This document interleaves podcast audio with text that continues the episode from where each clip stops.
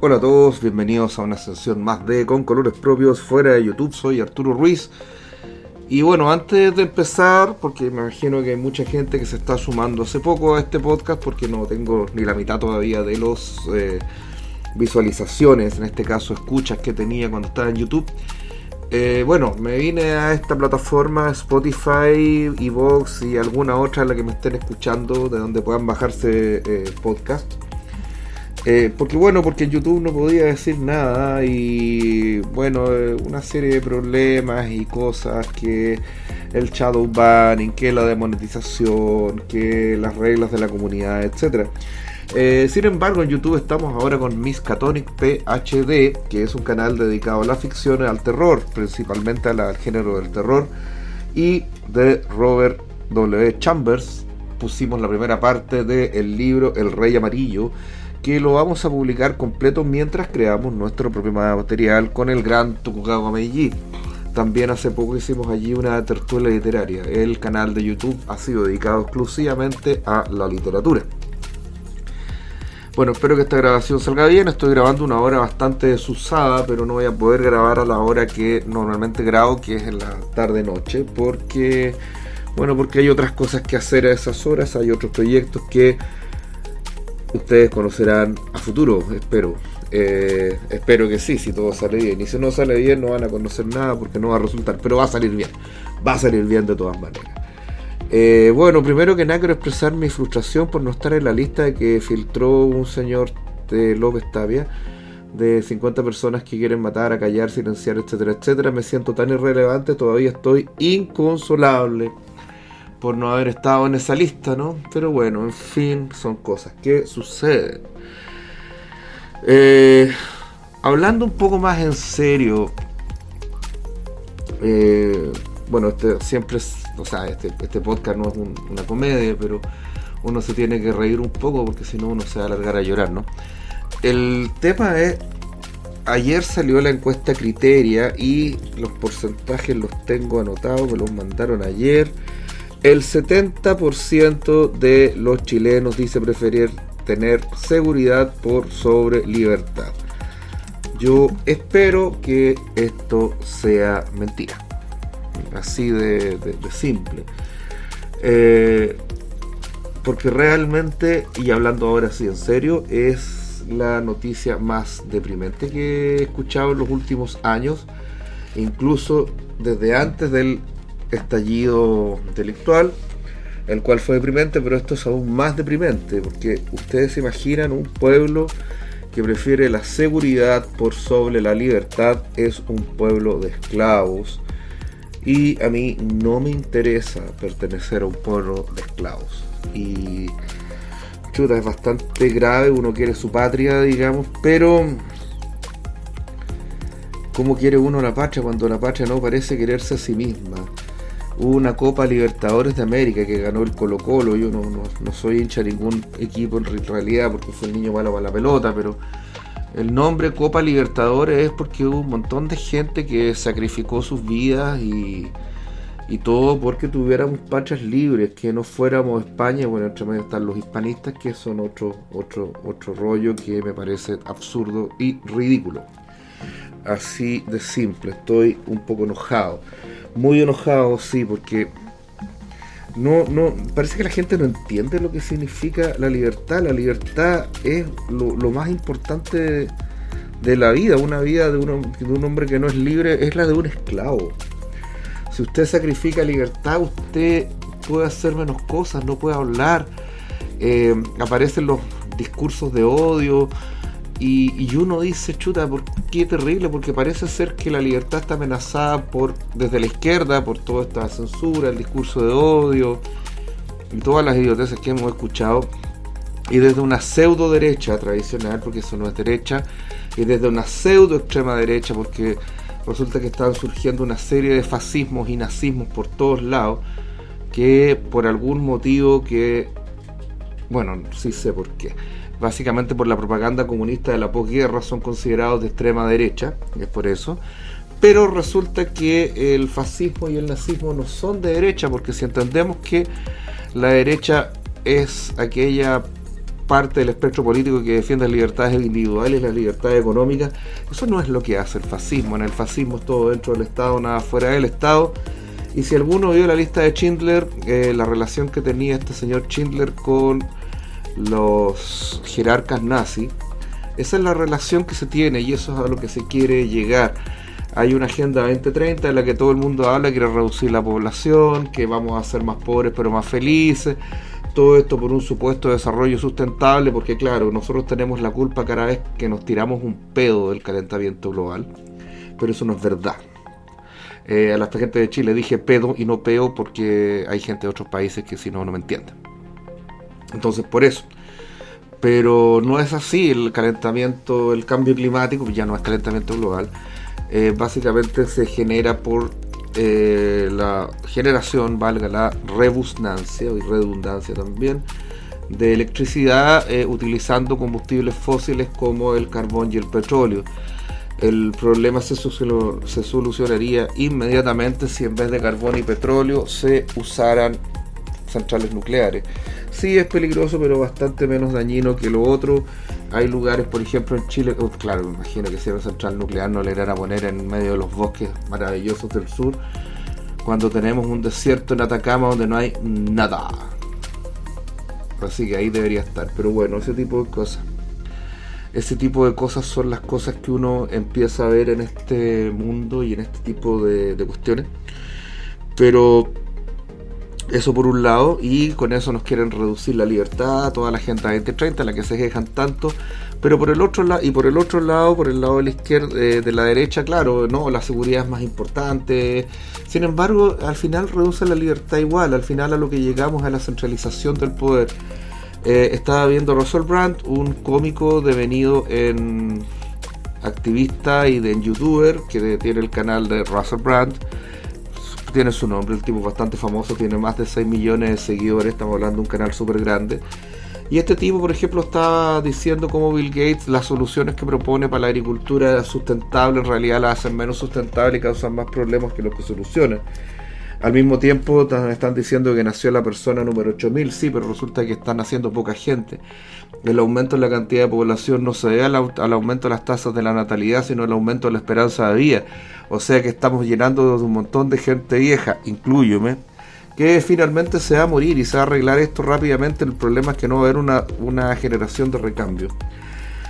Y todo esto porque tenemos un grupo de millonarios que se creen más inteligentes que todo el mundo que están haciendo esto. Y, entre, entre medio de todo esto, entre medio de todas estas amenazas, uno dice que el Chile prefiere la seguridad a la libertad, con lo que le están haciendo el juego a la Agenda 2030, al foro de Davos y a todas esas cosas.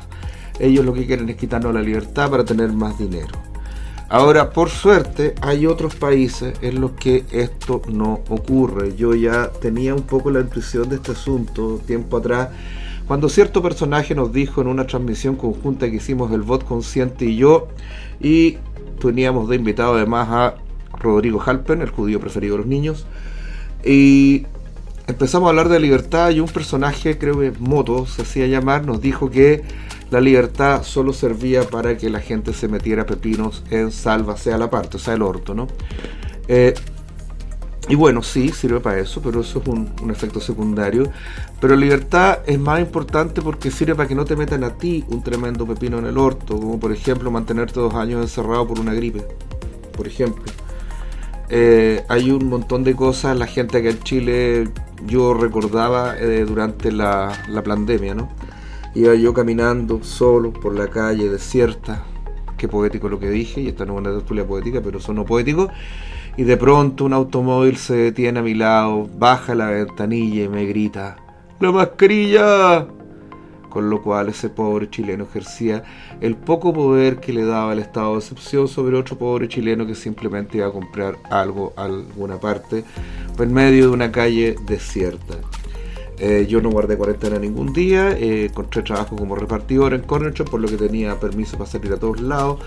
Eh, sí, fue a carretes, a fiesta y todo, no, la verdad es que no me arrepiento, nunca me pareció necesario ni inteligente aceptar que el Estado, o menos aún organizaciones supraestatales manejaran mi vida y me dijeran cuándo salir y cuándo no. Lamentablemente me cerraron el gimnasio y subí bastantes kilos, más de 10 en ese tiempo que ahora estoy tratando de dejar, pero por supuesto, como dicen algunos chilenos, el Estado se preocupa de mi salud y el manejo de Sebastián Piñera fue tan maravilloso durante la pandemia que no puede ser alegado. Bullshit.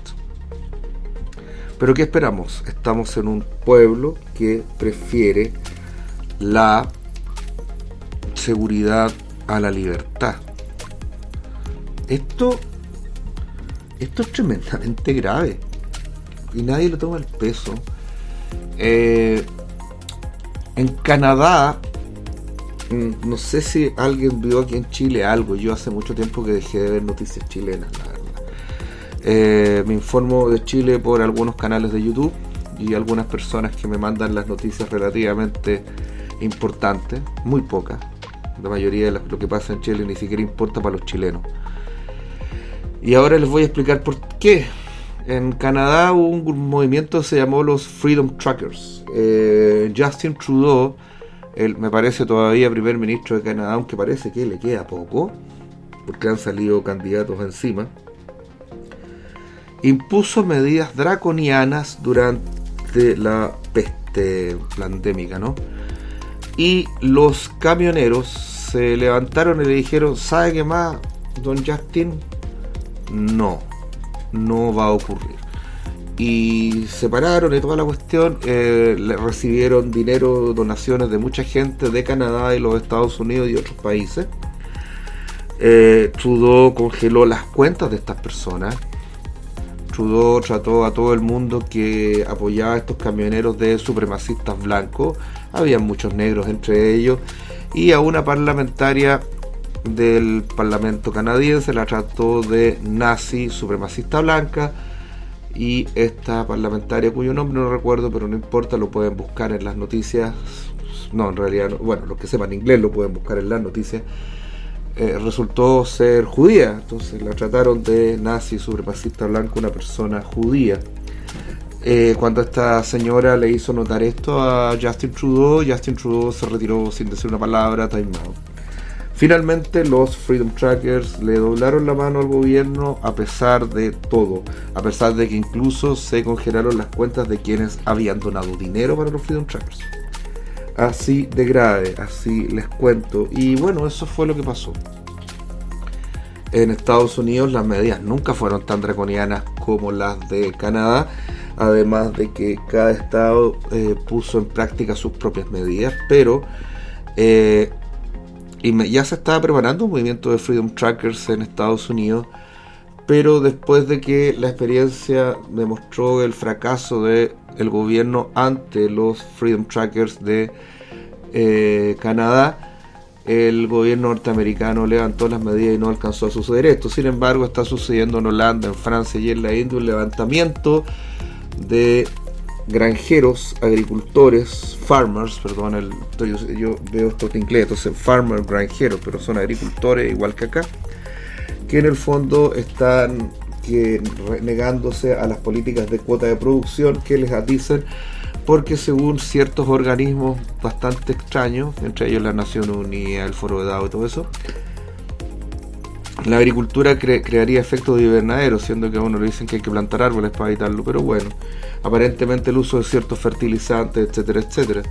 Eh, Bill Gates por eso promovía una agricultura centralizada, pero resulta que varios eh, académicos y estudiosos le han dicho, oiga, usted está puro tonteando porque en el fondo el hecho de que si los mismos agricultores hacen compost y fabrican sus propios fertilizantes, evitaríamos grandes problemas. Pero hay muchas personas que lo que quieren es eh, seguridad por libertad. Ahora, cuando tú entregas tu libertad, no tienes ninguna seguridad. ¿A quién se las va a entregar? ¿A Bill Gates? ¿Al foro de DAO? ¿Al gobierno? El, lema más pobres pero más felices es un, lema del foro de Davos, si ustedes mal no recuerdan. Y aquí eso fue dicho tanto por Camila Vallejos por una parte y por Joaquín Lavín por otra. Joaquín Lavín supuestamente de derecha, ¿no? De la UDI. Y A mí me tocó entrevistar junto a Rodrigo Halper en mi canal tiempo atrás a una señora Carolina Lavín, que supuestamente era derecha, pero se tragó, no sé si se lo tragó, pero estaba vendiendo todo el discurso feminista. Y bueno, sabemos que aquí no es donde compramos el discurso feminista, ni ninguna cosa, porque somos creemos en la libertad individual por sobre todas las cosas y en la responsabilidad individual por sobre todas las cosas. Yo no puedo aceptar responsabilidades colectivas. Así de simple, yo no acepto nada. Y tampoco quiero aceptar culpas colectivas. Y esto es eh, profundamente complejo porque un país que acaba de decir que prefiere seguridad a libertad es un país que ha abierto las puertas a la esclavitud, a una segura esclavitud, a una cómoda esclavitud al principio, pero esa cómoda esclavitud, esa, esa cómoda seguridad en algún momento se va a volver como todas las esclavitudes, porque ese es el destino de los esclavos, porque ya no son dueños de sí mismos. En otras palabras, mi país se está entregando al miedo, mi país se está entregando como cobardemente, y yo no, yo no formo parte de eso. No, yo siempre he creído en la libertad. Y si alguna vez me metí en política, cosa que había jurado no hacer, fue precisamente porque consideré que mi propia libertad era la que estaba en juego. Y bueno, esto me, me asustó mucho. Mucho más que no estar en la lista supuestamente develada por Alexis López Tapia, en la que no estoy amenazado de muerte, lo que me parece, me siento tan irrelevante. Qué terrible. Siempre lo supe, copyright del bot consciente, esa es su frase, etcétera. Pronto vamos a sacar el canal de humor con el bot consciente, nos hemos demorado porque el buen bot consciente es un tipo que se prepara muy bien. Y ha hecho cosas entretenidas, nos vamos a reír todos. Eh, porque hace falta que nos riamos y la risa también es una expresión de libertad. A propósito de libertad, a propósito de risa, eh, proyectos tales como hispanismo y todo eso, bueno, eh, un amigo mío que está en España me cuenta que en España no son hispanistas porque los navarros odian a los de la ciudad de allá y los de Valencia, los de estos otros, los catalanes. Son tan localistas, tienen una identidad tan fragmentada que hablar de España incluso es casi un insulto para los propios españoles. Para que vean. Y acá estamos hablando de hispanismo. Yo he tratado de descifrar lo que significa eso y bueno, existen algunos estados, China, India, Rusia, que están cambiando el modelo por del, Estado-nación por el Estado-civilización. Ahora, los estados que hacen esto es porque efectivamente son civilizaciones. Eh, la India es una civilización que tiene su propio idioma, que tiene su propia religión, que tiene sus propias costumbres y su propia esfera de influencia. China, lo mismo. Rusia, también, y es enorme poco más parecido a nosotros, pero no por ende igual. Eh, otro estado de civilización, esto no es una cuestión simplemente de tamaño, podría ser Japón, su propio idioma, su propia religión, sus propias costumbres y sus propias tradiciones. Eh, ¿qué, tradición tenemos? Eh, ¿Qué tradición tenemos en Occidente que nos puede unir a todos? Yo creo, y aquí quiero decirlo, volver al, al punto con que comenzamos, yo creo que la única tradición de la que puede enorgullecerse Occidente es del amor a la libertad, es del, hecho de entender la libertad como valor supremo. Y de ahí salió la democracia, lo que una democracia bastante primitiva, la de los griegos, pero democracia al fin, en la que el gobierno debía respetar la autonomía eh, de los ciudadanos. Al principio, obviamente, claro, los puros hombres, pero todo eso fue expandiendo a todo. Y, y bueno, les dije, estoy grabando una hora de Susana, no puedo tener la tranquilidad de siempre, ¿no? Pero no importa, no voy a poder hacerlo más tarde, es por ello. Ya, y no quiero dejar este podcast votado porque igual es una cosa interesante. Eh, como les decía, eh, yo creo que lo único que nos une como occidentales es la libertad, cuando alcanzamos la libertad de culto, la libertad de expresión eso no es algo propio de todas las culturas, es algo un invento de la cultura occidental. De los últimos tiempos de la cultura occidental, creo yo que es el logro más grande. Fue estas libertades las que permitieron a la cultura occidental hacerse en algún momento de la cultura global. Y si perdemos la libertad, no, lo perdemos todo. O sea, ¿qué es lo que hizo, por ejemplo, que una Europa de, del Renacimiento, todavía que ni sabían que había que bañarse, le ganara una cultura como la China en esa época, incluso como la cultura islámica, que era muy superior? Bueno, que teníamos lo que se llama eh, la libertad de empresa, la libertad de, cada individuo y entonces la sociedad occidental, en vez de volverse una cuestión con un solo timón, que era un rey o una iglesia, hubo un montón de gente, digamos, distintos pequeños motores que llevaron esto más lejos. Y finalmente la cultura occidental se impuso como aquella dominante. Y ahora resulta que tenemos que, según la izquierda, tenemos que tener algún tipo de, eh, ¿cuánto se llama?, de vergüenza por ello. Y según ciertos sectores que se hacen llamar de derecha, que yo no lo creo, eh, tenemos que volver a aquello que era antes de la libertad, tenemos que volvernos todos a una sola religión. Yo, en lo personal, soy budista eh, y creo en la libertad de culto. Y si alguien quiere orar al diablo, creo que un idiota, pero tiene derecho.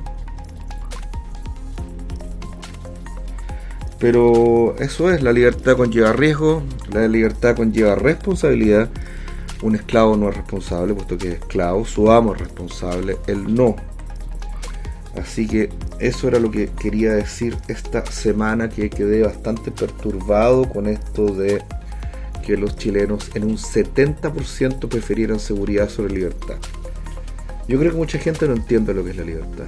La libertad, entendida como la entendía John Stuart Mill, no cualquier libertad, hablamos de libertades políticas, libertad de expresión, Ir más lejos sería libertinaje. Tener una orgía frente a la Casa Central de la Universidad de Chile, eso no es libertad.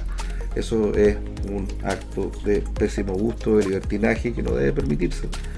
La libertad consiste en que cada ser humano tiene que ser capaz de hacer lo que quiera en la medida que no dañe a otros. Y si daña a otros incurre en una responsabilidad y tendrá que pagar por ello. Eso es libertad. Eso es lo que dijo don John Stuart Mill. Y esta libertad se halla ahora amenazada por todos lados. Por un lado, la gente que cree que es de derecha, que está dispuesta a cederlo todo por un poquito de seguridad. Y la gente de izquierda que simplemente quiere tener control sobre los discursos y control sobre todo. Ah, todo esto volvió Donald Trump a Twitter, pero no va a volver a Twitter. En realidad le desbloquearon la cuenta, pero él no se va a meter en Twitter porque si vuelve a Twitter eh, sería el Film The Truth, que es su, plataforma, así que es muy probable que no vuelva. Lo sí interesante es que los tweets de antes de Donald Trump están ahora disponibles para ser leídos por todo el mundo. Ustedes pueden ver la cuenta de Donald Trump que pasó para el famoso 6 de enero, January 6, cuando supuestamente Trump organizó una especie de motín y los tweets están diciendo precisamente que él hizo que no hiciéramos eso. La verdad también es una condición sine qua non para tener libertad y la libertad también es una condición sine qua non para la verdad. Si no hay libertad de expresión no se puede decir la verdad, porque el poder, cualquiera sea este poder, va a intentar imponer su opinión como si fuera la verdad y eso nunca va a ser la verdad, porque el poder tiene como interés la salvaguarda del poder mismo, a sí mismo, y no la verdad. Este tipo de cosas que estoy diciendo deberían ser súper básicas y no habría que tener posgrados en filosofía para entenderlas, como bien lo demostraron los camioneros canadienses, Freedom Truckers, ¿no? Eh, esta era gente que manejaba camiones. Así, igual que acá, gente común y corriente, gente de clase media con sus camiones, que iban de aquí para allá, de allá para acá, y que les ponían tales restricciones producto de la pandemia que en un momento dijeron, ¿saben qué más? Basta, no vamos a aceptar más queremos que estas restricciones se levanten o no nos movemos y pusieron en jaque al gobierno de Justin Trudeau y el gobierno finalmente debió ceder. Lo interesante es que el gobierno le tema al pueblo y no el pueblo al gobierno, pero claro, todas estas nociones aparentemente pareciera que fueran de una tradición más bien anglosajona y no de todo el mundo occidental, al menos no de Chile, puesto que en Chile la gente prefiere la seguridad por sobre la libertad. Y sin libertad no van a tener seguridad. Eso es lo que no han entendido. Lo único que te puede dar seguridad es que haya libertad. Libertad, por supuesto, para los ciudadanos honestos. Libertad para aquellos que cumplen con la ley. Por supuesto que si hay un, delincuente o alguien semejante se tiene que ir preso. No, no, no, no, no, no estamos promoviendo la, la anarquía que promueven ciertos sectores de izquierda, que hay que solucionar el problema de fondo. No. En un país libre, aquel que daña a otros tiene que pagar y si tiene que pagar con su propia libertad, lo hace. Porque es importante la libertad de aquellos ciudadanos que son respetuosos unos de otros y de la ley. Una ley, un orden público que están hechos para salvaguardar precisamente la libertad de aquellos que participan de la sociedad. Pero no lo han entendido. También, claro, el discurso de los derechos humanos puede tener que ver. Yo estoy especulando en este momento porque yo estoy profundamente anonadado por esta encuesta, por la criteria que haya dicho eso. Eh, claro, el discurso de los derechos humanos resulta ser que los que tienen derechos humanos son los delincuentes y no los ciudadanos honestos si tú te defiendes contra un delincuente y le disparas, es muy probable que vayas preso tú, aunque sea un rato mientras investigas. Porque parece ser que para muchas personas más es más interesante e importante el, el derecho del delincuente que tu derecho, ¿no? Así que eso es lo que está sucediendo y eso es bastante complejo. Eh, bueno, lo voy a dejar hasta aquí. Este hoy día va a ser un podcast un poco más corto, producto de mi anonadamiento ante esto. Eh, ¿Qué más? Les voy a recordar, eh, bueno, Miskatonic PhD. En este momento empezamos con El Rey de Amarillo de Robert Chambers. Una gran historia de terror, un conjunto de cuentos basados en esta obra de teatro ficticia llamada El Rey de Amarillo. Ya está arriba el sello amarillo, que es el primer de esta serie de relatos de Robert Chambers. Así que como digo, vamos a subir el libro completo, completo, completo. Así que va a ir todo, ya va la primera parte y después, una vez que terminemos, vamos a subir un video donde esté todo el libro, que son varias horas. Así que les recomiendo ir viendo los capítulos de a uno porque tengan tiempo, que en realidad son relatos independientes. Así que sería súper entretenido. Les recuerdo que pronto vamos a sacar el programa Humor con el Bot Consciente, el Guille. Y también pronto vamos a sacar eh, otra tertulia. Yo creo que la quiero hacer por el canal de él. Me interesa que la poesía vaya para todos lados. Me interesa que todo el mundo eh, goce con esto. Entendamos y la quitemos del secuestro de la izquierda. Eh, ¿Qué más les puedo decir? Yo creo que eso es todo por esta vez. Vamos a ver si pronto hablamos de otro tipo de noticias que son noticias que no aparecen en nuestro país. Bueno, eso sería todo y nos estamos escuchando porque no nos estamos viendo a la próxima. Chao.